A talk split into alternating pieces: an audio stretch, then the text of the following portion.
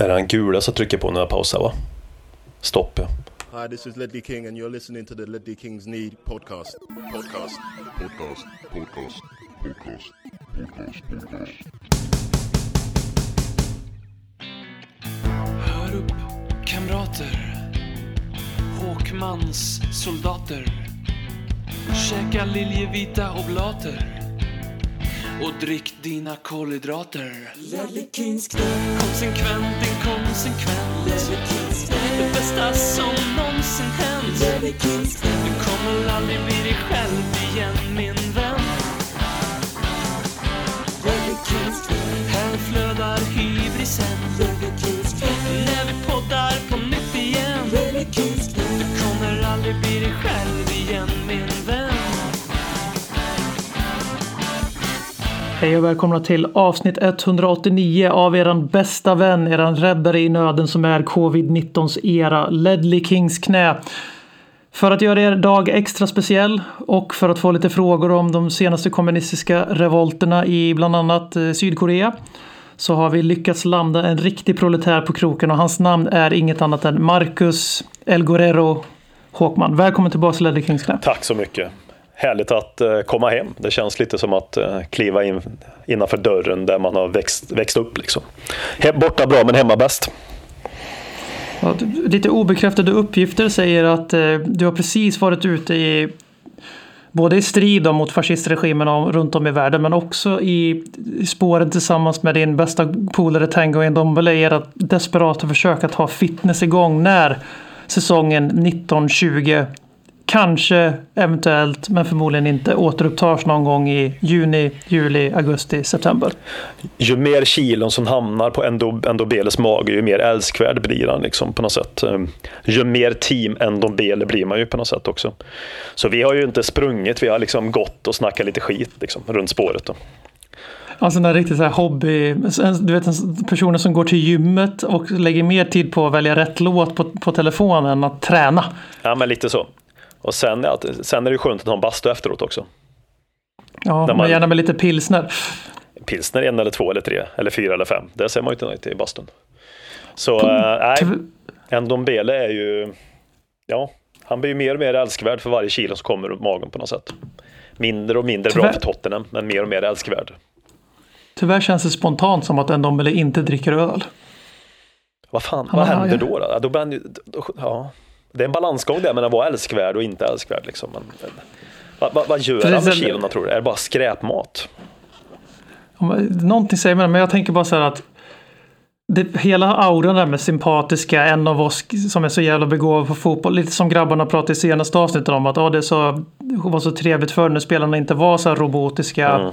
perfekt vältränade atleter som råkade spela fotboll. Utan de hade några pluskilon, en Thomas Brolin och så vidare. Mm. Men allt det likeable, vanlig Svensson-tugget, det faller ju om man samtidigt sitter och pimplar så här fint exklusivt rödvin från någon jävla vingård i eh, någonstans i Frankrike där man gör vin. Det, det blir inte lika folkligt. Nej, man vill ju helst att en Nobelros jobbar jobba på ICA på, i London och ta med sig en hempizza fyra gånger för mycket i veckan. Det är därför han ska bli fet, men tyvärr är det ju inte så som du säger, utan det är väl de feta goda såserna och det dyraste vinet som gör honom lite plufsig i sådana fall. Vi får se, vi är fortsatt team Ndombele här. Ja, absolut. Eh, Så ja, någon som, till och med de som lever under en sten kan jag tänka mig har koll på att vi just nu lever i en värld där det inte spelas någon fotboll. Vilket är skönt ibland. Ibland saknar man det. Spurs har jag inte saknat särskilt mycket alls. Men alltså, fot- jag fotboll har jag saknat. Ja, ja, alltså jag, alltså, ja, men jag tycker det är rätt trivsamt det måste jag säga.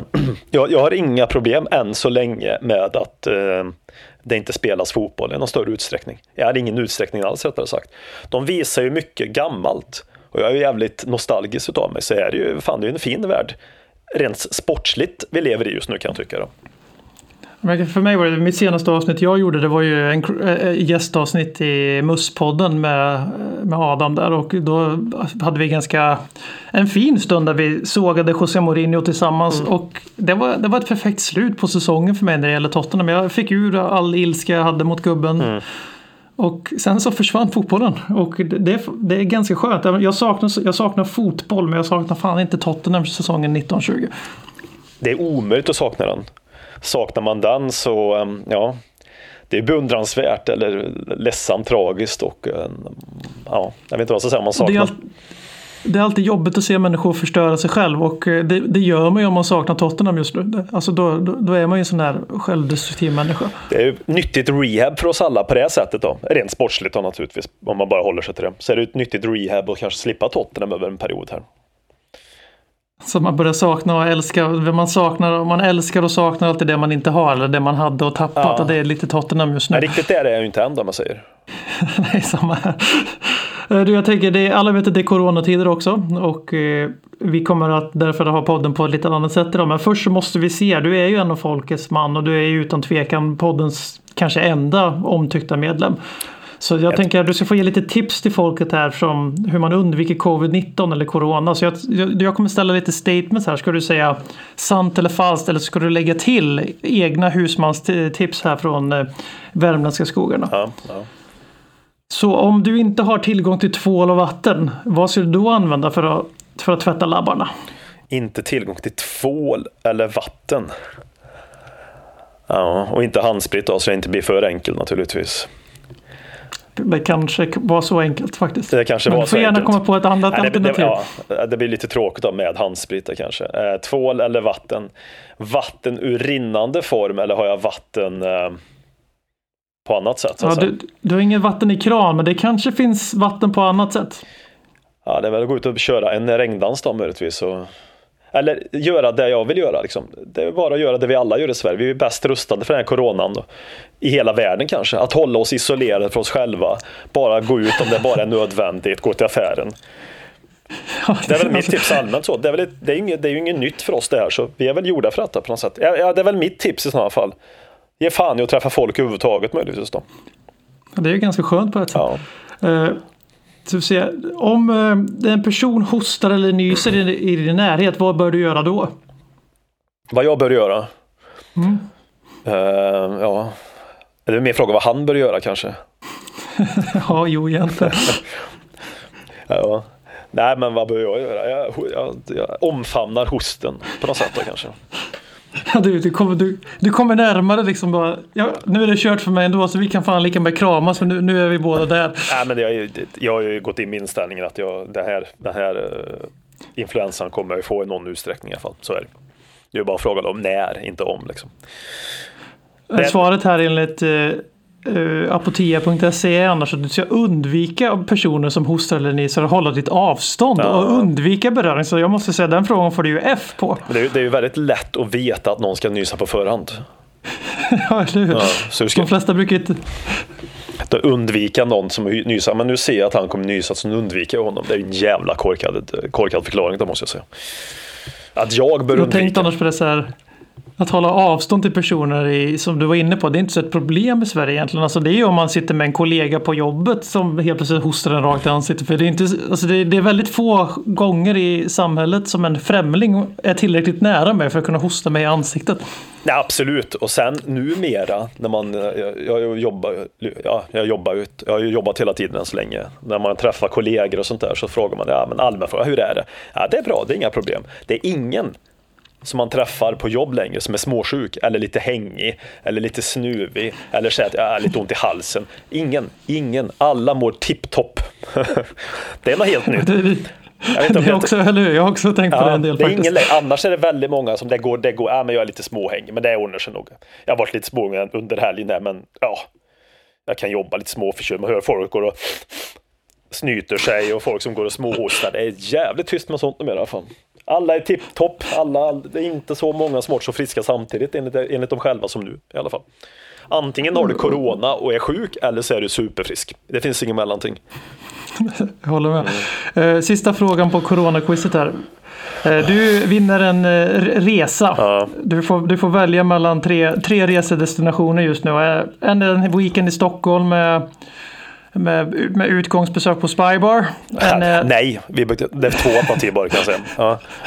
Alltså med utgången var är- vid Spybar så kan jag säga två alternativ. Ja. och sen en all, all inclusive weekend i Åre. Och sen eh, en all inclusive weekend på Antarktis. Vilken väljer du? Åre för att slå ner idioter som åker dit under påsk och tror att deras jävla årresa fyra dagar är så jävla viktigt för att de inte kan liksom vara lite solidariska mot folket. Det är väl möjligtvis de då, för att skapa lite terror där uppe.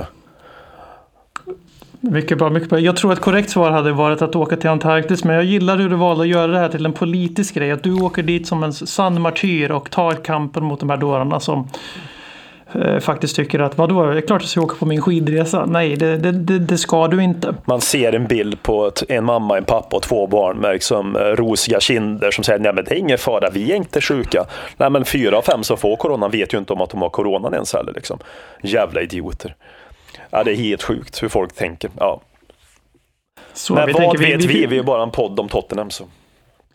Ja, men precis. Vi tänkte så här, vi ville, vi ville upplysa folket lite här bara om den här pandemin och kände att fan, vi har, det finns ju väldigt många självutnämnda smittoriskexperter och i detta nu så förklarar jag Ledley Kings knä som Sveriges ledande Tottenham-podcast kring ämnet smittspridning och corona. Ja, nu när Peter Wolodarski och Hanif Bali blev experter så är vi minst lika liksom, experter som de i alla fall på Twitter. Då.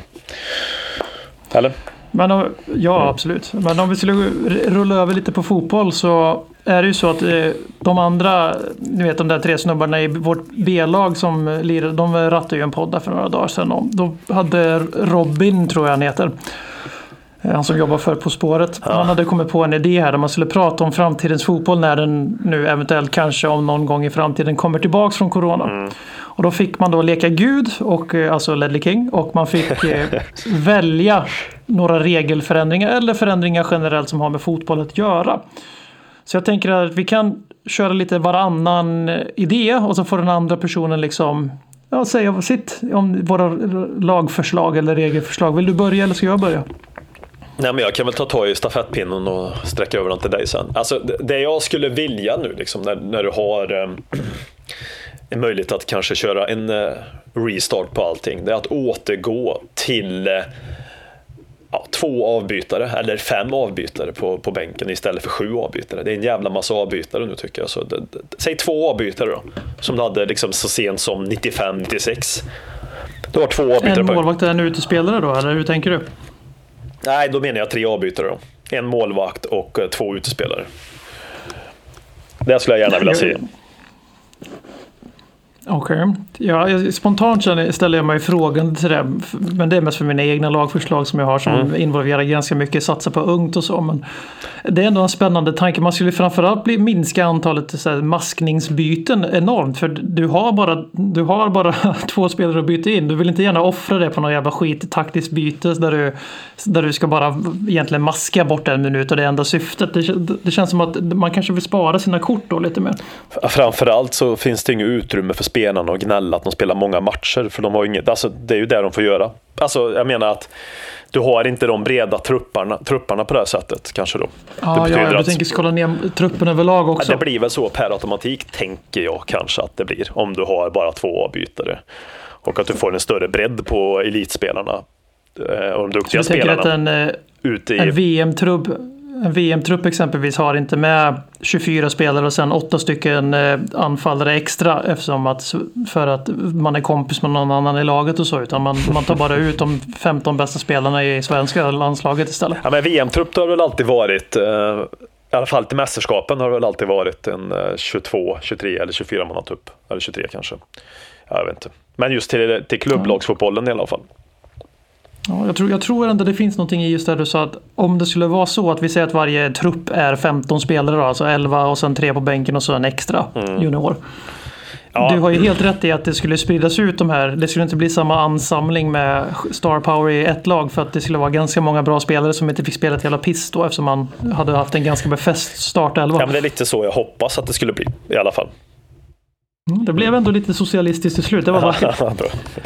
Eh, Vi fortsätter på det socialistiska spåret. Eh, Mitt förslag är eh, inför lönetak på, i fotbollen. Eh, Och då vill jag inte ha ett lönetak som är, gäller allting utan det här gäller bara på pengar du spenderar på din spelartrupp, alltså i formen av löner. Eh, Och lönetaket ska, precis som i NHL, ska vara baserat på ligans intäkter. Vilket betyder att i Premier League så får man ett visst lönetak och i allsvenskan får man ett annat lönetak. Eh, De mesta av mina förslag är riktade mot Premier League eftersom det är tydligen där Tottenham Hotspur spelar fotboll. Mm, det, det. det som är viktigt här då är att eh, mina brasklappar i det här lönetaket, för det här är ju en, har ju varit en fråga ofta i fotboll. Jag tror att MLS har väl till och med lönetak, men de har de här låtsasregeln att man får välja ut vissa spelare som inte räknas på ett lönetak. det är väl- Den skiten är borta. Är det inte tre varje lag någonting eller? Ja, jag har för mig det. Designated players. Den skiten är, finns inte i mitt lönetak, utan du har ett lönetak, punkt. Om du inte kan fördela dina pengar bra, då får du skylla dig själv. Då får du ha Harry Kane, Dele Alli, Tobbe Alderweireld och 18 stycken Oliver Skip i laget i sådana fall. Men är lönetaket baserat på eh, vad du har för intäkter, hur mycket du får i intäkter till exempel? Eller är det ett och samma Eh, lönetak för alla? Oavsett, samma lönetak oavsett för om du alla. har 2 5 i snitt eller om du har 65 000 i snitt. Ett och samma för alla. Okej. Mm. Ett och samma fall. Och det baseras på om vi säger att Premier League drar in 500 miljarder pund i vinst. Då kommer de ha ett ganska högt lönetak. Eh, hela ligan. Och sen för att komma in på det här lite, för att spetsa till den lite då. Så det, du har ett lönetak för spelartruppen som sagt. Sen om du exempelvis är Manchester United. Så har jag inte sagt någonting om att du har ett värvartak. Utan du har ett lönetak. Och det är fritt då att utnyttja dina ekonomiska fördelar eller muskler på andra sätt. Exempelvis scouter, ledare, analytiker och sånt där. Och du får köpa för hur mycket som helst också. Liksom. Ja, så länge de får in dem under lönetaket. Mm, precis, för det finns ett lönetak som är max vad en spel... Ah, du har en viss lönetak i en klubb, är det så det funkar? Ja, Inte- så det är 80 miljoner som ska Ah, delas ut på ah, 23 Ja, spelare. jag fattar, jag fattar. Jag fattar. Mm. Eh, Och eh, det jag min tanke här är att ett, eh, det är rätt trist att se folk, alltså det är rätt trist att se klubbar ge alltså fantasilöner och se tabeller framför allt som som eh, som eh, i stort sett alltid är samma som eh, lönelistan. Det är, det är bara att kolla i Premier League där vi ligger, har legat, låg sjua i lönelistan i år och var det enda lag som överpresterar vår egen liksom, löneposition. Eh, men eh, här då så tänker jag också att förutom att det skulle jämna ut det sportsliga på ett sätt skulle det fortfarande finnas kvar någon viss av fördel av att vara en intäktsdrivande klubb. Manchester United skulle ha mycket mer pengar att lägga på sidan om spelarlöner och kunna driva sin utveckling framåt. Det som skulle vara skillnaden här är att de skulle inte behöva pumpa in lika mycket pengar i själva startelvan i lön utan de skulle istället kunna lägga mer pengar på att driva fotbollen framåt med, med taktik, analys, scouting, alltså revolutionera fotbollen på något sätt så att man ändå har sina fördelar. Eh, Och då framförallt så gillar jag i min teori här då att tanken att man skulle gynnas jävligt bra av att ha en bra tränarstab. För då skulle Maurizio Pochettino aldrig fått sparken av Tottenham någonsin. För man hade fått så jävla mycket bang for the buck. För vad han får ut av en lågt begränsad... Alltså det skulle gynna hans Tottenham. Och det är därför jag kommer fram till det här förslaget. Mm. Ja, det är allt för Pochettinos skull. I stort sett. Ja, men det, det, då är det ju helt rimligt på något sätt. Ja, det är väl, ja, inte helt med dig, men jag förstår ju vad du menar. Eh, Rent, eh, rent generellt, här, vad säger du om lönetak i fotbollen rent generellt? Eh, nej tack. Nej tack. Ja. Ja, jag förstår. Jag försökte övertyga övertyga det där men jag förstår att man kan inte lyckas få med sig alla. Det var dock en ganska socialistisk idé här. Så. Ja, men jag tycker väl, alltså bara lite snabbt, vi fortsätter det i två, två sekunder där bara. Det, alltså, ehm, jag tycker ju att fotbollsklubbar ska inte få spendera pengar de inte har och det gör ju väldigt många klubbar nu då. Naturligtvis med, med ja, har du ett lån så ska lånet betalas av innan du gör någonting annat. Det kan jag tycka däremot. Sen ska ju klubbens intäkter, om en klubb är duktig på att skaffa intäkter, på vilket sätt de nu skaffar intäkter, så ska de kunna göra vad de vill med sina pengar. Det kan jag tycka. Om de bestämmer och vill jag ha 90% på lön och inte ha någonting annat, typ vad det nu ska, jag vet inte hur ska fördelningen för bli, men, men det ska ju aldrig vara utanför den ramen de inte har råd med. Man ska inte kunna låna, jag vet inte, som, som man kan göra, det är en massa lån hit. Men klart man måste låna ibland för att bygga arenor och sånt. Så jag, jag vet inte riktigt hur jag ska komma runt det här, men man, min grund är att klubbens intäkter är det som formar klubbens framgångar eventuellt också. Det skulle jag kunna tycka. Nej, jag håller med. Håller med. Eh, Eh, du har alternativ två där i Håkmans fotbollsvärld. Ja, nu, nu nu gör jag ju någonting annat. Jag vet ju inte om jag vill det, men jag, jag, jag säger både och då. Jag, jag tar någonting lite annat här nu som inte är eh, avbytare, inte är sånt där. Eh, och en sak som kanske inte är så jävla sensationellt heller som många tänker på. Alltså det är ju fotboll det heter och om det är någonting i själva spelet, själva det vi utför på planen som jag kanske mot all förmodan skulle vilja ändra bara för att få med det segmentet. Hör du vad tydligt att jag egentligen inte vill ha med detta egentligen. Det är, det är, det är att ta bort inkast och köra inspark i sådana fall. Du spelar med foten istället för att spela med händerna när du ska kasta den. Det är väl möjligtvis det som jag mot någon anledning skulle vilja liksom förändra på spelet. Alltså det skulle, bli, det skulle bli mer mål. Du kan ju tänka Stoke hur framgångsrika de var med sina långa inkast. Tänk dig mm. liksom att ha en... Du skulle kunna nästan ha, börja spela med en kicker. Någon som kommer ja, bara för att dra inkast eller inspark för, i mål. Ja, det går ju säkert komma runt det på något sätt så att det blir jävligt tråkigt sen också. Man, man ifrågasätter varför har jag ens tänkt tanken att det skulle bli bättre. Men någonstans ändå, att det är ändå fotboll och att fotboll då har en... Att foten får tala istället för händerna liksom oavsett hur bra Rory, Delap var i Stoke på det här och andra spelare har varit. Liksom. Så ändå, en, det rimmar lite bättre kan jag tycka. Då. Jag, jag, jag, tror också att det finns en vinst i maskningsperspektivet. För det, det är jävligt mycket, jag bara ser framför mig, liksom, det är väldigt mycket lättare att maska när man ska kasta ett inkast. Du kan loss, låta någon annan gå och ta upp bollen och du går fram fem meter, domaren säger åt dig att backa, det tar lång tid och du står och tittar vem ska jag kasta till och så gör du lite uppgivna handgester och så till slut kastar du till den som stod närmast dig hela tiden. Eh, på inspark skulle det bli så... Det, det, tänk dig liksom, det, en inspark är ju ganska lik en, eh, en målvaktsinspark helt enkelt, eller utspark. Ja. När de bara står och tittar på bollen i 30 sekunder, det, det syns. Och det samma sak skulle det bli liksom om någon i Liverpool stod vid hörnflaggan och vägrade slå sin jävla inspark. Ja, ja det, det är möjligt. Men ja, den är väl den ändringen där då, på planen eventuellt då, jag kan tänka mig. Ja, jag, jag hittar faktiskt ingen botargument på en gång förutom att det känns bara fel och det känns ja. som fotboll. Men Nej. det hörs ju på namnet att det är fotboll om man tar bort inkast. Ja, så. Precis, lite så. Men samtidigt så förstår jag ju att det kanske inte att var och varannan lyssnare på den här podden kommer ställa sig upp och applådera åt det förslaget. Men, men ja, om man ska nu liksom fiska i någonting själva spelet så absolut, det.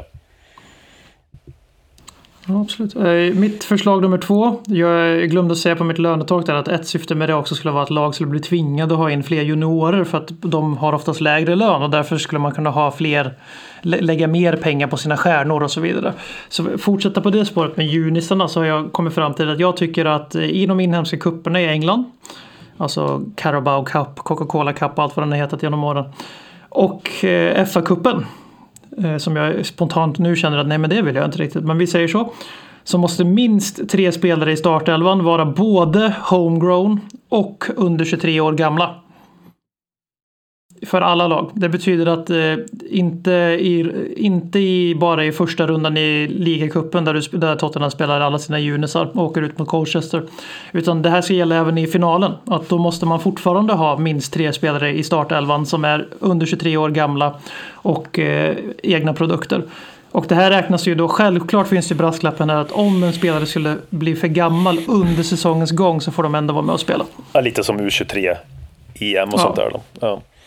Så att, för det är lite trist om du fyller 24 dagen före final får inte vara med. Nej, precis. Nej. Nej, men lite så. Det är väl när du är 23 när EM-kvalet börjar då så får du väl vara med ända fram till eh, slutspelet om det blir så väl va? Ja men precis, och här, är ju säsong, här tar det inte lika lång tid Nej, så hinner de inte bli liksom 25 utan de är ju fortfarande mm. högst 24 då. Mm. Eh, och det, det, är någonting jag tror på i, för de flesta lagen, storlagen i alla fall, eller Premier League-klubbarna för all del, använder ju ändå inhemska kupperna på det sättet fram tills de tycker att det är värt deras möda värt att eh, spela sitt bästa lag. Och det är rätt trist att se liksom Skip Parrot och allt vad det nu kan heta, Gomes och, Gomes och Greenwood och allt vad de heter i andra klubbar också liksom få spela ända fram tills det blir på riktigt. För att då, då ska helt plötsligt A-lagsspelarna in. Det, det, är trist att se och därför så vill jag ha in mer U23. Och mer homegrown framförallt i den här engelska fotbollen. Mm, ja, men det var aldrig dumt. Det, det, nej. Men då, då, då kanske man också ska ta bort min två avbytare också någonstans där. Ja, de går inte riktigt hand i hand nej, de här två. Det, det, det, blir svårt att förena. Nej, det ena, det ena utesluter det andra lite grann. Så ska man ha det så ska man väl ha kvar sju avbytare då kanske. Det kan jag tycka i sådana fall. Ja. Men... Ja, annars blir det tufft. Det blir lite så här, Harry Kane får inte ens sitta på bänken i fa Cup-finalen för då har inte vi tillräckligt många U23-spelare. ja, jävlar. Det vore ju vackert på något sätt ändå, Harry Kane. Nu. nu i dessa dagar. han- liksom. han, är väl ändå ska, han är väl skadad ändå där och då kanske, så det är väl inget problem när det väl vankas den tiden. han, han tenderar ju att vara det tyvärr. Ja, precis. Våretid om inte annat. Så. Ja. Har du en till? ja, det har jag definitivt. Och jag, ja, återigen, som jag sa, som jag sagt, eller jag vet inte, vi fick ju trycka om här, jag vet inte om jag sa det om, i första eller andra här inspelningen när vi fick göra om eller inte. Jag älskar ju liksom det gamla och, det gamla var lite bättre än det som är nu oftast i fotbollen. Eh, så jag väljer ju att backa bandet liksom återigen. Och eh, jag förstår ju att det här är ju en, en, en dröm utan, eh, ja det kommer alltid stanna vid en dröm. Men det, är ju, det tar man ju inte hänsyn till här och nu. Utan då väljer jag att vi kör Europacupen. Vi kör Uefa-cupen och vi kör cupvinnarcupen. Och så kör vi med utslagning, dubbelmöte, ASAP. Från runda ett. Och när det är Europacupen då är det mästarna. Och då är mästarna ettorna. Oavsett vart är ettorna kommer ifrån, så att säga, i Europa. Det här är samma förslag som sades i, av B-laget men vi alla vet ju att eftersom det är vi som är A-laget så är det ju de som har stulit din tanke. Och då Du är vet- ju också äldre än personen i fråga. Ja, och då så- vet vi också att jag, jag lyssnade ju på förra avsnittet också, hör hör vi ju nu så att säga. V- Vem var det som sa det här då, rent intresse? Nu har jag inte lyssnat förrän. Men eh, Jag tror att det var Robin. Ja. Osäker. Robin alltså, ja, det var lite oväntat att han... eh, Ja. Men han har ju stulit den från dina anteckningar. Det är inte så jävla konstigt. Nej, nej, nej, men jag bjuder på den. Jag bjuder på den. Nej, men det skulle jag vilja. Så du är, och sen har du är inte för den här eh, tredje, den tredje Europa League eller liksom den tredje eh, säsong. Alltså den här, för jag håller med, jag, vi har ju Champions League som inte är Champions League. Och, men det är däremot en liga med slutspel. Precis som Europa League är en liga med slutspel. Exakt så. eh, gruppspel och sådär. Eh, och du vill inte, jag kommer inte ens ihåg vad den heter men de skulle, har ju skapat den tredje, liksom den fula styvungen som man egentligen inte vill ha i familjen. Som man, de vill att alla så skitländer som Sverige ska vara med och spela i. Så att Europa League lämnas fritt till storklubbarna och sådär. Ja, Så du vill inte ha det utan du vill gå tillbaka till tre europeiska kupper som det var förut istället. ja, jättegärna. Och att cupvinnarcupen är precis som den låter. Det är cupmästarna så att säga. Uefa-cupen är oftast då tvåan och trean i de inhemska kupperna. Du fattar ju vad bra Uefa-cupen var på den tiden. Alltså rent Ja. kvalitetsmässigt när det var tvåan och trean i alla länder. Och kanske, jag vet inte om fyran var med ibland också, men tvåan och trean vet jag definitivt var med, de större i alla fall. Uh, var med i Uefa-cupen. Det var ju kvalitet. Och framförallt att det är utslag per automatik. Och det fanns ingen sidad lottning från början heller. Utan det var en skål med lag och så kunde det bli Real Madrid mot Milan i runda ett. Liksom. Till Jag exempel. håller, med. håller helt med. Jag står 100% bakom det här förslaget. Så jag har ingen som helst reservation. Nej, den skulle ju vara fin, men vi vet ju alla att ja, Nej, det kommer aldrig hända. Det- vi går ju tyvärr hända. åt andra Ja, hållet. exakt. vi går åt andra hållet Ja, ja. istället där vi kommer ha ett Champions League som går året runt och ha Champions League typ som det verkar liksom. ja, men lite så. Och vissa lag kanske till och med är självklara oavsett om de kommer åtta eller två. Ja, och det, är- det är ju piss. Men tyvärr är det, det, hållet- det fotbollen är ju på väg dit med stormsteg. Det är bara att kolla att EM har gjort sig ett jävla jippo. Alltså den, ja, vi, har, vi har ju VM, det är nummer ett i landslagsturneringen. Det är fan den enda landslagsturneringen som ger en rikt, riktig wow-känsla. EM också delvis, men det är ändå bara, bara inom parentestecken ett europeiskt mästerskap. Precis som att Sydamerika har ett sydamerikanskt mästerskap som jag glömmer bort vad det heter bara för det. Och så afrikanska mästerskapen och sådär. Det är inte riktigt samma sak som världsmästerskapet. Nej, nej, alltså EM är lite förstört. Del, alltså inte bara för att de nu skulle ha spelat och kommer väl försöka spela då, beroende på vad som händer. I- Överallt i I Europa. 200 ord. Ja, precis. Och sen, och sen är det här att det är så jävla mycket länder med nu också. Exakt, exakt. Och det är där, dit vi är på väg. Det är, det är därför vi har Champions League, Europa League med alla, varenda, alltså om vi tittar på det rent objektivt så ser vi alltså i England så har vi eh, så har man sex Europaplatser direkt, va? eller är det till och med sju? Det beror lite på vilka som vinner kuppen och sånt har jag för mig. men det är men fyra Champions League-platser som har gått från att fjärdeplatsen var kval och man fick börja tidigare i kvalet och sen var det playoff och nu är det direktplats rakt i gruppspelet. Och så är det för tre ligor. Det är 12 lag som går bara rakt in i gruppspelet i Champions League för de slutar fyra i sin jävla liga. Eh, Ett sätt att få tillbaka fotboll till att handla om att vinna titlar och inte att vinna balansbudgetar är ju genom ditt förslag och jag står fullständigt bakom det. Ja, inte för att Tottenham prenumererar på titlar, men det skulle göra... Er, er, tänk Europa League, det är en jättefin turnering som många ser ner på faktiskt och säger att Nej, men jag hoppas vi missar Europa League i sådana fall om, om, om Tottenham ändå inte är med i Champions League. Då blir det sån här...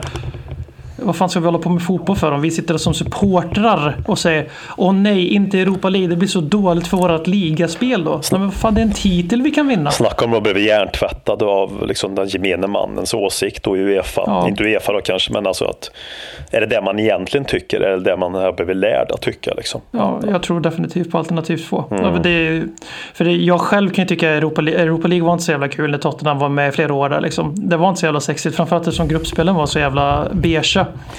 Nej men självklart Men, vill man hellre spela den turnering som har högst status och där man möter bättre lag och det finns en större gloria att vinna. Det, det är väl inget snack om det. Klart att man väljer Champions League-turneringen alla dagar framför Uefa. Eller Europa League då, om man får välja. Det får ingen Ja. välja. Men om det nu är alternativet att vi inte ska spela Europa League eller ja, inte spela Europa alls, ja men då väljer jag Europa League.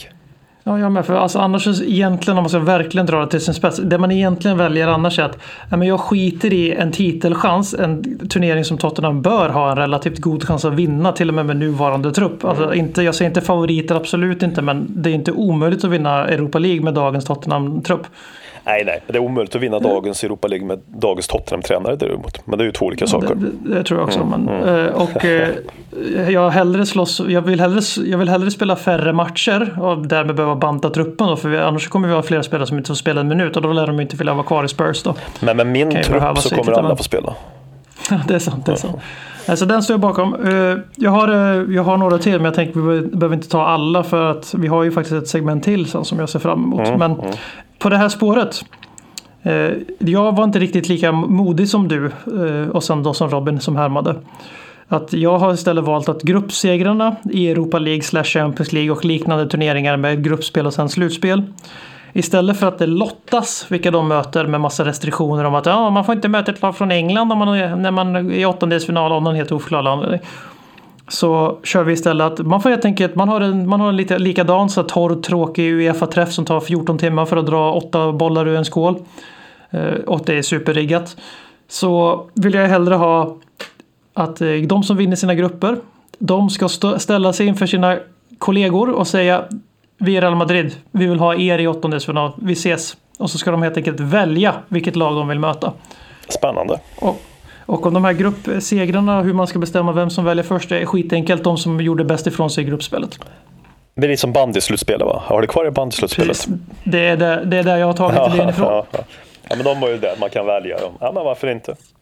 Det, men att bara lek med tanken att vara, vara laget som blir valt av en rival. Eller l- lek med tanken när Ole Gunnar kliver upp på podiet och bara vi vill ha er City, vad fan ska ni göra åt saken? Och så får vi Manchester, vi får United Derby i, kvartsfinalen i ja, Milk Cup eller vad den här tredje fasen av Europacuper kommer heta.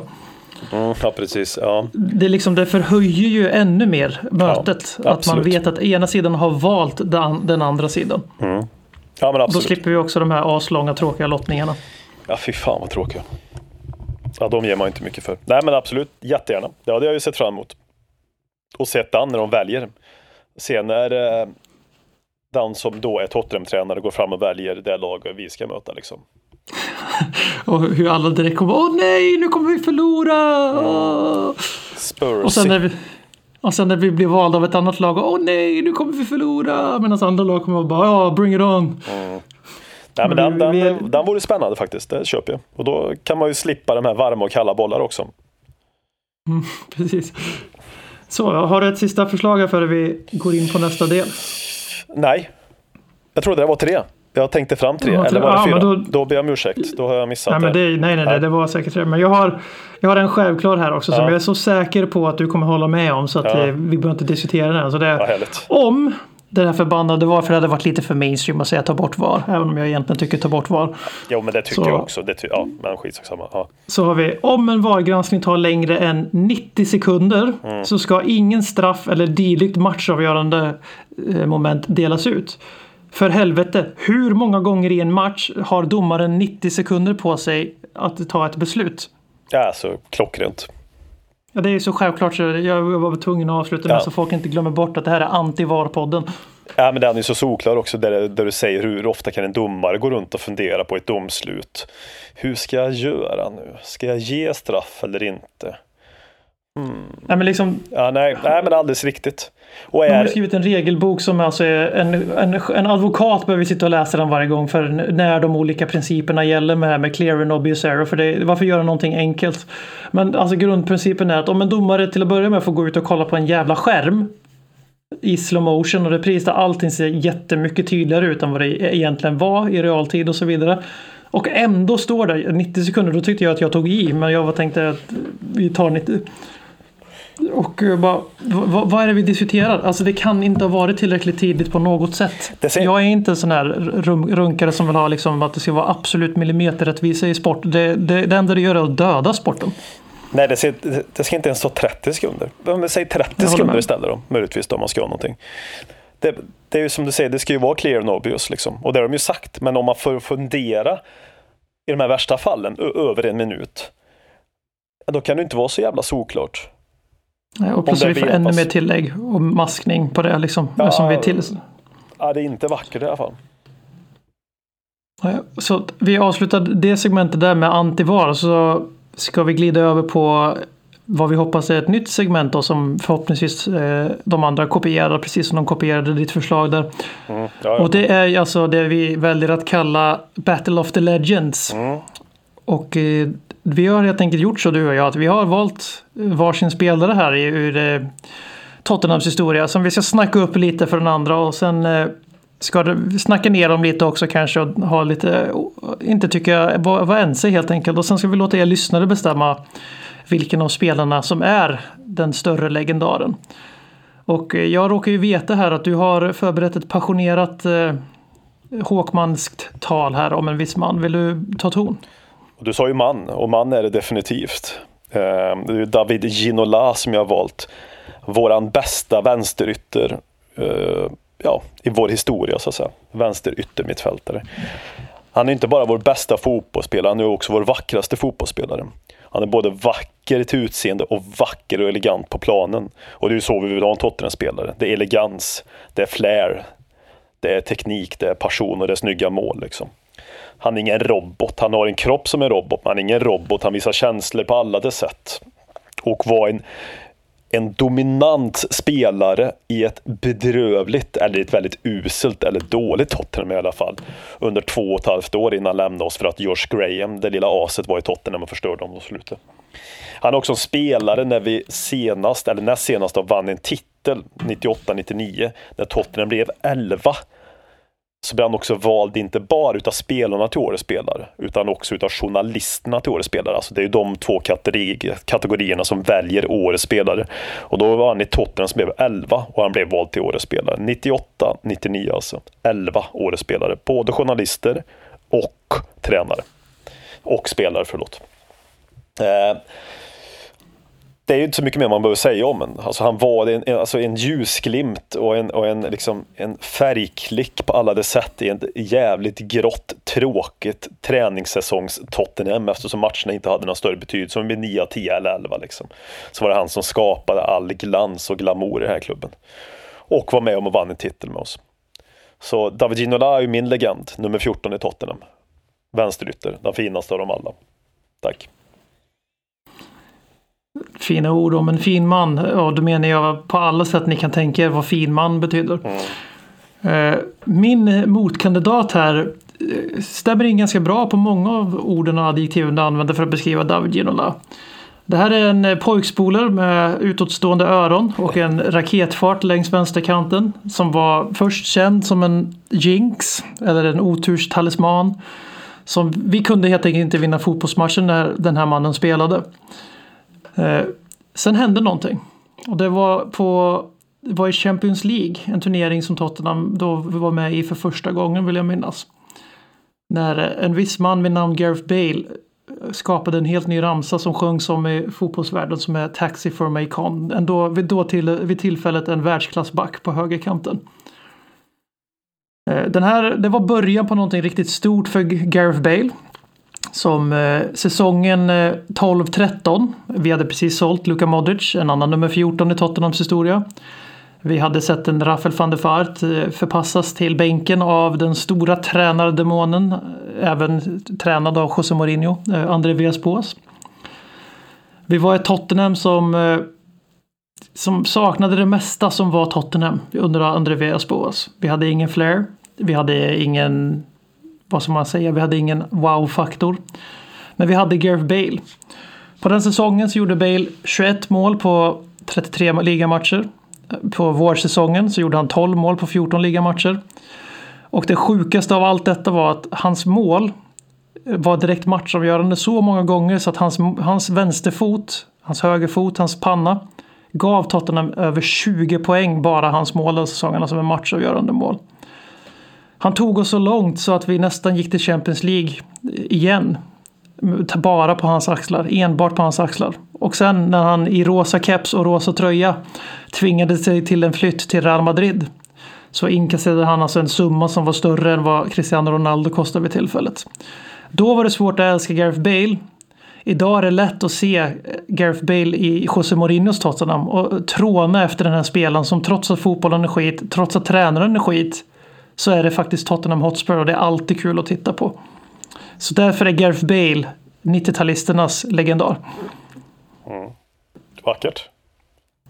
Så nu ska vi helt enkelt försöka snacka ner varandra spelare här, men det blir ganska svårt känner jag. Snacka ner Ginola för mig. På, ja. Jag blev väldigt övertygad av ditt tal. Ja, snacka ner Bale vill man ju inte heller göra oavsett liksom, sättet han lämnade på. Han var ju ändå, han var ju ändå liksom en, en fantastisk spelare. Jag minns ju, om jag, ska, jag vänder på det istället, jag vill ändå prata lite varmt om Bale också då, till att börja med. Istället för att snacka ner Bale hur han slog igenom som du sa där mot Inter, dubbelmöte mot Inter. Det är ju match, mm. enda matchen som har varit en seger men ändå en förlust, det är ju bortamatch mot Inter när det blir 4-3 Ja, glömmer bort, vi förlorade ju faktiskt med 4-3. Mm. Men ändå känns det som en seger. Eller det känns mm. inte som en förlust i alla fall. Det var alltså jättekonstig känsla efteråt också och det var det som Det var när de hade vunnit trippen också va, precis? Ja men precis, exakt så. Eh, och sen har, då var det Rafa Benito som tränare då också. Eh, och, det, och sen så på White Hart Lane, han totalt, är det en av de häftigaste matcherna jag sett Tottenham med. Det är en av de mest dominanta matcherna jag sett en enskild spelare i Tottenham. Han var så fruktansvärt dominant på sin vänsterkant. Och, och han var explosionellt snabb och ja, det, det, var ju det som var så vackert. Vi ska inte prata bara om Bale. Blir, nej, nej, men vi börjar. Eh, och det var ju den här säsongen vi pratade om. Då, bland annat då så var det ju, vi var ju över som podd då för första gången. Vi var ju ganska nykläckta då som podd. Vi åkte över där på vår, sent på våren och såg mot Southampton. Eh, samma år som vi hade börjat startat podden 2013. Det är sju år sedan för er som håller räkningen. Eh, så så, så eh, gjorde han ju ett, ett Bale-mål helt enkelt. Det var en ganska intetsägande 0-0 match, mycket possession, mycket sidled. Någonting som inte var Tottenham, och, eller inte är Tottenham. Det är inte så vi är. Vi är inte liksom Bayern München som tiki-takar oss igenom motståndarna. Det var ju kanske lite mer Pep Guardiolas Bayern München, men skitsamma. Men i alla fall, där på, klockan börjar klämta närma sig stopptid. Gareth Bale driver fram i mitten. Hela ligan vid det här tillfället är ju alltså väldigt väl medveten om att stoppar man Bale så stoppar man Tottenham. Mm. Det spelar ingen roll. Han gör det igen. Han stänker dit ett distansskott i klyk från, ja, vem vet hur långt ifrån det var, men det var ett fantastiskt mål på alla sätt. Och det som var sjukt den säsongen var att man fan med förväntade sig det varje match. Mm. Han hade West Ham han avgjorde på stopptid. Han hade en sjuk snurrfint mot Leeds. Som kanske inte är så imponerande så, men det var också, det var också en säsong där han blev liksom så, så fruktansvärt stor. Så vi, jag tror inte ens vi kan förstå det idag. Vi pratade om Harry Kane. Harry Kane har aldrig haft en säsong där han sken lika starkt som Gareth Bale gjorde. Och då säger inte jag att Gareth Bale är en bättre spelare än vad Harry Kane har varit i Tottenham. Absolut inte. Men det jag säger är att han har aldrig skinit lika mycket på världens stora scen som Bale gjorde just den säsongen. Och det var för att han spelade så uselt Tottenham och ändå gjorde det omöjliga möjligt nästan. Han, han uh, juvelen glänste ju lite mer på grund av att andra inte var några juveler Precis. i laget. Liksom. Precis. Inte Kane på samma sätt liksom, i alla fall. Kane hade ju liksom Eriksen och han hade, han hade Lamela när han var, hade en riktigt fin säsong. Alltså han hade liksom bättre hjälp än vad Gareth Bale hade. Med det sagt, där, däremot så tror jag inte jag skulle vilja argumentera för att Gareth Bale har varit en bättre spelare för Tottenham än Harry Kane. Där tror jag skulle stanna legendartugget faktiskt. Ja, ja, men det, det, det Harry Kane uh, tycker jag har gjort mer för Tottenham än Gareth Bale gjort. Men, Ja, eh, på alla sätt liksom. Men, men eh, Gareth Bale, att det var någonting väldigt mycket extra över han, Speciellt jag, jag var ju mest som mest, eh, vad ska jag säga, trollbunden av en i början när han slog igenom.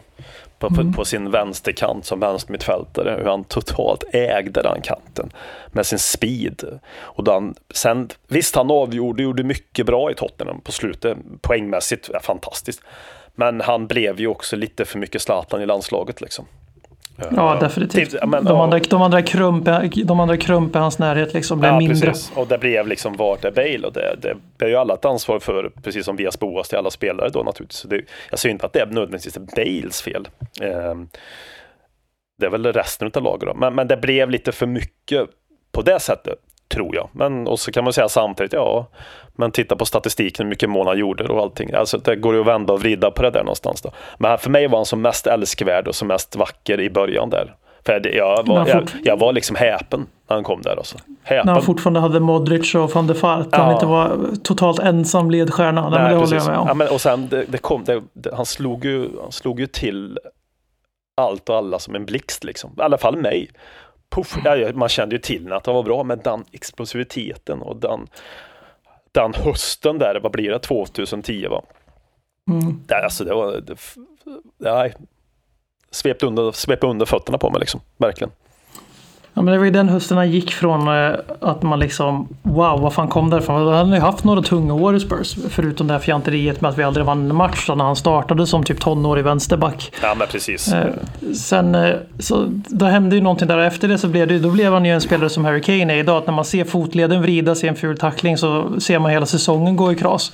Ja men verkligen. Och, och, och det var inte direkt som att den jag ser framför mig just nu, jag kommer inte ihåg matchen tyvärr, men det var säsongen därpå, där vi hade fortfarande kvar Modric, vi hade tvingat honom att stanna. Mm.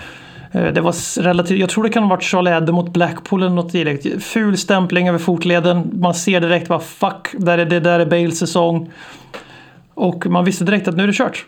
Det blir, nu blir det ingen Champions League igen. Vi kommer inte vara med i Champions League för andra säsongen i rad. Och det, vi var aldrig tillbaka i Champions League förrän Pochettino tog över. Ja men precis. Nej men det var väl Charlie Adam tror jag, nu när du säger det. Det ringen har ser- minnet av för mig också här. Jag ser situationen framför mig i huvudet men jag, kan, jag ser bara Bale liksom. Jag ser inte den där jävla sopan som gick till Liverpool sen. Nej, med älskvärd mage då visserligen, men annars var allting bedrövligt. Eh, Men eh, Ginola, nu, det är ju, måste ju vara ärlig och säga, det här är ju någon, en kille som dominerade i Spurs före min tid. Men jag känner igen be- beskrivningen där, den här spelbegåvade geniet som för mig i alla fall alltså är Tottenham. Tottenham är, och det är en anledning till att jag inte tycker om José Mourinho i Spurs så jättemycket. Även om jag tycker att han är rätt eh, underhållande som tränare i, när han tränar andra lag. Kan vi säga att vi, ha- kan vi säga att vi hatar den till och med eller? Eller är det bara jag som säger jag, det? Jag, jag, jag är beredd att säga Mourinho out. Ja, ja, det är ja, inget problem är, för mig. Ja, gud ja, Mourinho out alla dagar i sen, veckan. om det är, sen om det är logiskt eller rationellt eller om det är rättvist mot honom, det är det förmodligen inte. det- Men det jag, inte. jag ser bara inte en framtid. Vi, kommer, vi, vi gör så här, vi gör det enkelt.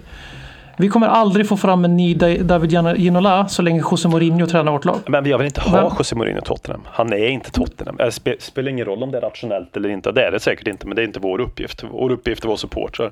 Nej, bort med fanskapet. Han är inte Tottenham. Han har gjort det i andra klubbar, men han är inte Tottenham. Hans tränarroll, hans tränarfilosofi är inte Tottenham liksom.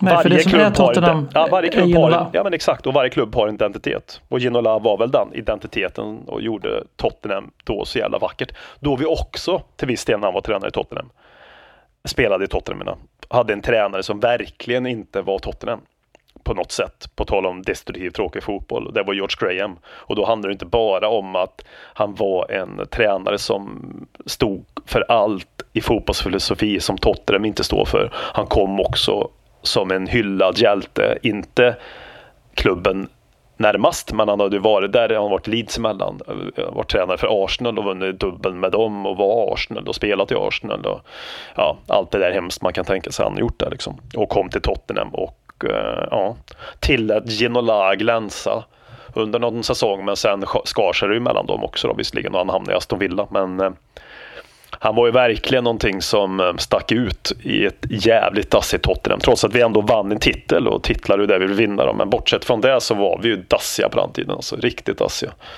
Och Ginola var allt annat än dassig. Eh, Han var Tottenham. Han var är verkligen det, Tottenham. det det här är en spelare som jag har sett väldigt begränsat live och framförallt väldigt begränsad i Tottenhams tröja. Ändå så är han en av de första jag tänker framför mig. Det, är liksom, det sitter så djupt i vår klubbs DNA att det här är, den, det här är våra spelare. Det, här- det här är vad Tottenham är. Lirarnas lag på ett sätt liksom. Att jag till och med får en bild av honom framför mig när jag tänker på vad är en Tottenham-spelare? Då är det Ginola 98-99. Det är Gareth Bale 2010-2013. Kanske framförallt eh, 10-11 om man tänker om man tänker bort just det här superstjärnan som han var 12-13. Det är Harry Kane som inte är flashig på något sätt men han är den andra delen. Han är Ledley King, den här tysta lågmälda i klubbikonen som har gått genom varenda len och är så förbannat jävla bra så att det är helt sjukt att han är kvar i Tottenham. Och det är förmodligen skador som har hållit, hållit honom kvar i Tottenham och eh, även Pochettino då fram tills nu. Det är, liksom, det är de två tillsammans som är vad Tottenham är, eller vad jag vill att Tottenham ska vara. Sen behöver inte det vara att alla ska tycka att Tottenham ska vara så. Jo. Och det är precis, men, men vi tycker att det är så Tottenham ska vara. Ja, och sen backar du bandet ännu längre, inte för att prata om dem, men då har ju Paul Gascoigne. Det var också en lirare. ja, ja, gud ja. och backar du bandet gud, ytterligare lite till så hade du alltså Chris Waddle, Glenn Hoddle till exempel också. Jag menar Osvaldo Ardiles. Argentinarna. Ja, Mm. Via och Ardiles. Alltså, vi har ju en tradition av att vara det och Tottenhams sätt att spela fotboll är att spela fotboll på ett underhållande sätt. Inte då så att jag vill att det ska kosta oss poäng. Men enda som skulle kunna rädda Mourinho, det ska vi inte fastna där, men enda som skulle, skulle kunna rädda Mourinho, enda, enda, det är att vi vinner. Spelar Ja. man den här pisstråkiga jävla fotbollen vi gör, det enda som kan rädda i Tottenham det är att vi vinner. Gör vi inte det så är det ju katastrof liksom.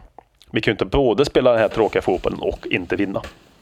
Nej, för det, det bryter mot vår klubbs DNA och Ja. eh, vår identitet. Och om vi samtidigt då inte får resultat med den fotbollen, då, då det, det är ju därför jag redan nu säger José Mourinho out. Ja, ja, fast ja. det är jätte-knee-jerky efter att han har haft vad är det, 15 matcher vid rodret. Nej, men det handlar inte Men- om det. det, finns, det- alltså, vi, kan, precis. vi kan ge en två och ett Precis. halvt år till. Det kommer bli samma ändå. Det, jag kan inte se Precis. det.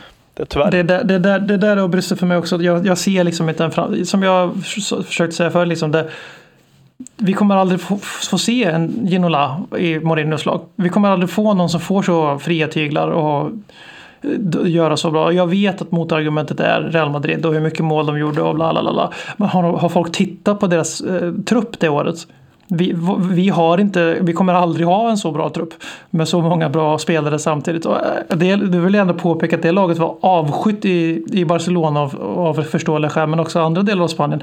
För att de spelade med två sittande mittfältare trots den offensiva kapaciteten med Cristiano Ronaldo i spetsen. Det är José Mourinho och i José Mourinhos Tottenham så får man inte fram en David Ginola. Och jag väljer Ginola framför Mourinho varje dag i veckan. Och han kommer aldrig utveckla spelare på det här sättet heller. Till att bli någonting bättre än vad de redan är. Det han är ingen utvecklande tränare på det här sättet. Och han är ingen tränare man bygger över tid. Det var väl ett sätt för Daniel Levy att försöka rädda en säsong med en tränare som kan komma in och leverera här och nu antog jag. Och föra oss till Champions League. Nu kanske vi kommer där ändå på grund av en ep epidemi då visserligen. Men, men ehm, ja, Ja, det där, nej. Jag tror inte alls på det här. Det är tränare. Det, och vi är inte den klubben som någonsin kommer köpa in de här superstjärnorna som egentligen Mourinho vill ha för att kanske då kanske han är en bättre tränare än vad andra tränare skulle kunna vara när man har ett supermaterial. Det är ju inte bara för alla tränare att gå in och göra resultat då heller visserligen. Men alla tränare har ju, alla människor, alla spelare och allting i vilket yrke de än har, tror jag har en brintid. Man, är inte, man kan inte leverera i 30 år i sträck eller 15 eller 18 år i sträck som fotbollsspelare. Det är perioder i ens karriär som man gör, gör det bättre än andra perioder i ens karriär. Överlag finns det säkert något unikum här och där möjligtvis. Men, och Det är Alex. Ja, det är precis. Ja, det är verkligen ett unikum. Och där, där vi bara lyft, alltså, ju mer tid går och ju mer åren tickar på, liksom, ju mer imponerad blir jag av honom. Alltså. Hur han har lyckats bytt lag, sparkat spelare, typ inte sparkat, men sålt spelare vid rätt tidpunkt. Fått spelare som sen när han har lämnat eller de har bytt klubb har undrat vad är det här för fotbollsspelare? West Brown, John O'Shea, Park Sung. Ja men du vet, de har gått till andra klubbar och varit totalt värdelösa, men han fick dem att lyfta och han visste exakt, nu släpper jag Beckham. Oavsett hur bra Beckham var, nu släpper jag Japp Stam. Oavsett hur bra Japp Stam han var, för han såg gruppdynamiken liksom. Ja, det Han såg, att, han såg att Beckham Beckham, blev, det hände någonting där Beckham blev inte större än Manchester United men Nej. som framstod som större än Manchester United, större än klubben själv och då rök han. Nej, så all respekt till eh, Alex Ferguson. Alltså. Det måste jag verkligen säga. Det, det, nej. För det gjorde ju inte Wenger heller. Om jag så säga. Han lyckades, men han lyckades ju aldrig liksom bygga om laget på det sättet. Även om han fick stanna där en jävla massa år. Så jag tänker att vi, vi avrundar där för det blev, det blev lite Mourinho out här men det kändes skönt. Man behöver, man, det finns ändå någonting i en som tänder till lite när man pratar om Tottenham ibland. Skönt Trots ändå. att det, fotbollen är slut i stort sett. Skönt. Och att det är skönt att, det, att fotbollen är slut just nu. Mm. Men eh, vi har fått en fråga till för att knyta ihop säcken här som har med corona att göra. Och den är, kommer från Hasse i vår chattgrupp Parrots pågar. Det är bara att be om en invite så får ni tillträde efter Robins screening process. Och det är helt enkelt, han vill höra dig Håkman prata om vem i truppen som är mest, eller mest och sen vem som är minst orolig för corona. Hans eget förslag är att Davis är den som leker Tegnell, alltså epidemiolog i, i klubben. Vad jävlar. Um, var gärna med på det här du också då, för jag vill köpa mig lite Ja, tid ja. om det kan vara här. Eh, mest, vad var, vad var alternativen igen nu? Ursäkta. Mest eller minst orolig för corona Ja, i truppen. precis. Orolig och inte alls orolig. Ehm, vem kan vara mest orolig? Jag kan väl tänka mig sådär spontant att kanske Harry Kane är mest orolig för han är väl ett kontrollfreak kan jag tänka mig. Orolig Mm. för allt. Ja, men jag vet inte. Lite spontant sånt där och lite tråkig och lite orolig för sin egen skull framförallt. Han är nog mer orolig för sin egen skull än andra skull, Harry Kane tror jag. Um, Harry Kane då? Kanske jag glömmer något såklart fall när jag säger. Jag försöker också komma på något som känns såklart. Minst orolig det är ju Serge för att han, han är inte ty den typen av människa som oroar sig över saker. Till exempel försvarsspel Nej, och sådär. Jag tänkte faktiskt Så- säga han också faktiskt, men jag, då hoppar jag till någon annan då. Men fortsätt du. Ja. Så minst orolig det är Serge. Mest orolig. Kane är ett bra exempel tvättad skolboy, Mm. exempel. Harry Wings faller väl in där också. Men den här kokainsparka-videon han gjorde på Twitter visar att han verkar rätt obrydd.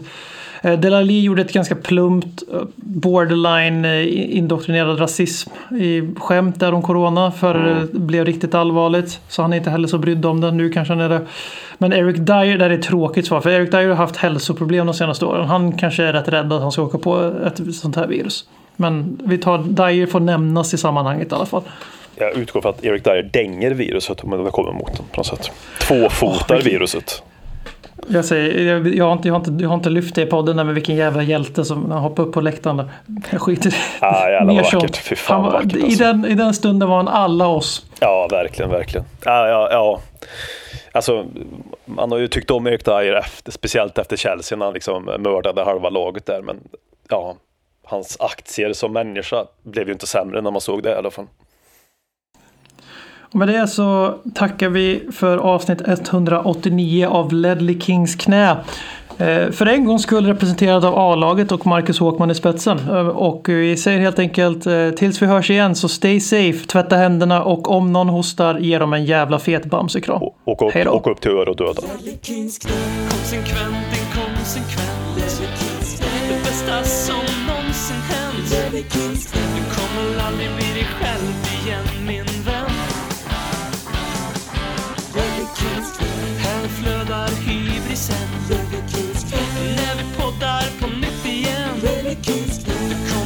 aldrig bli dig själv? igen min vän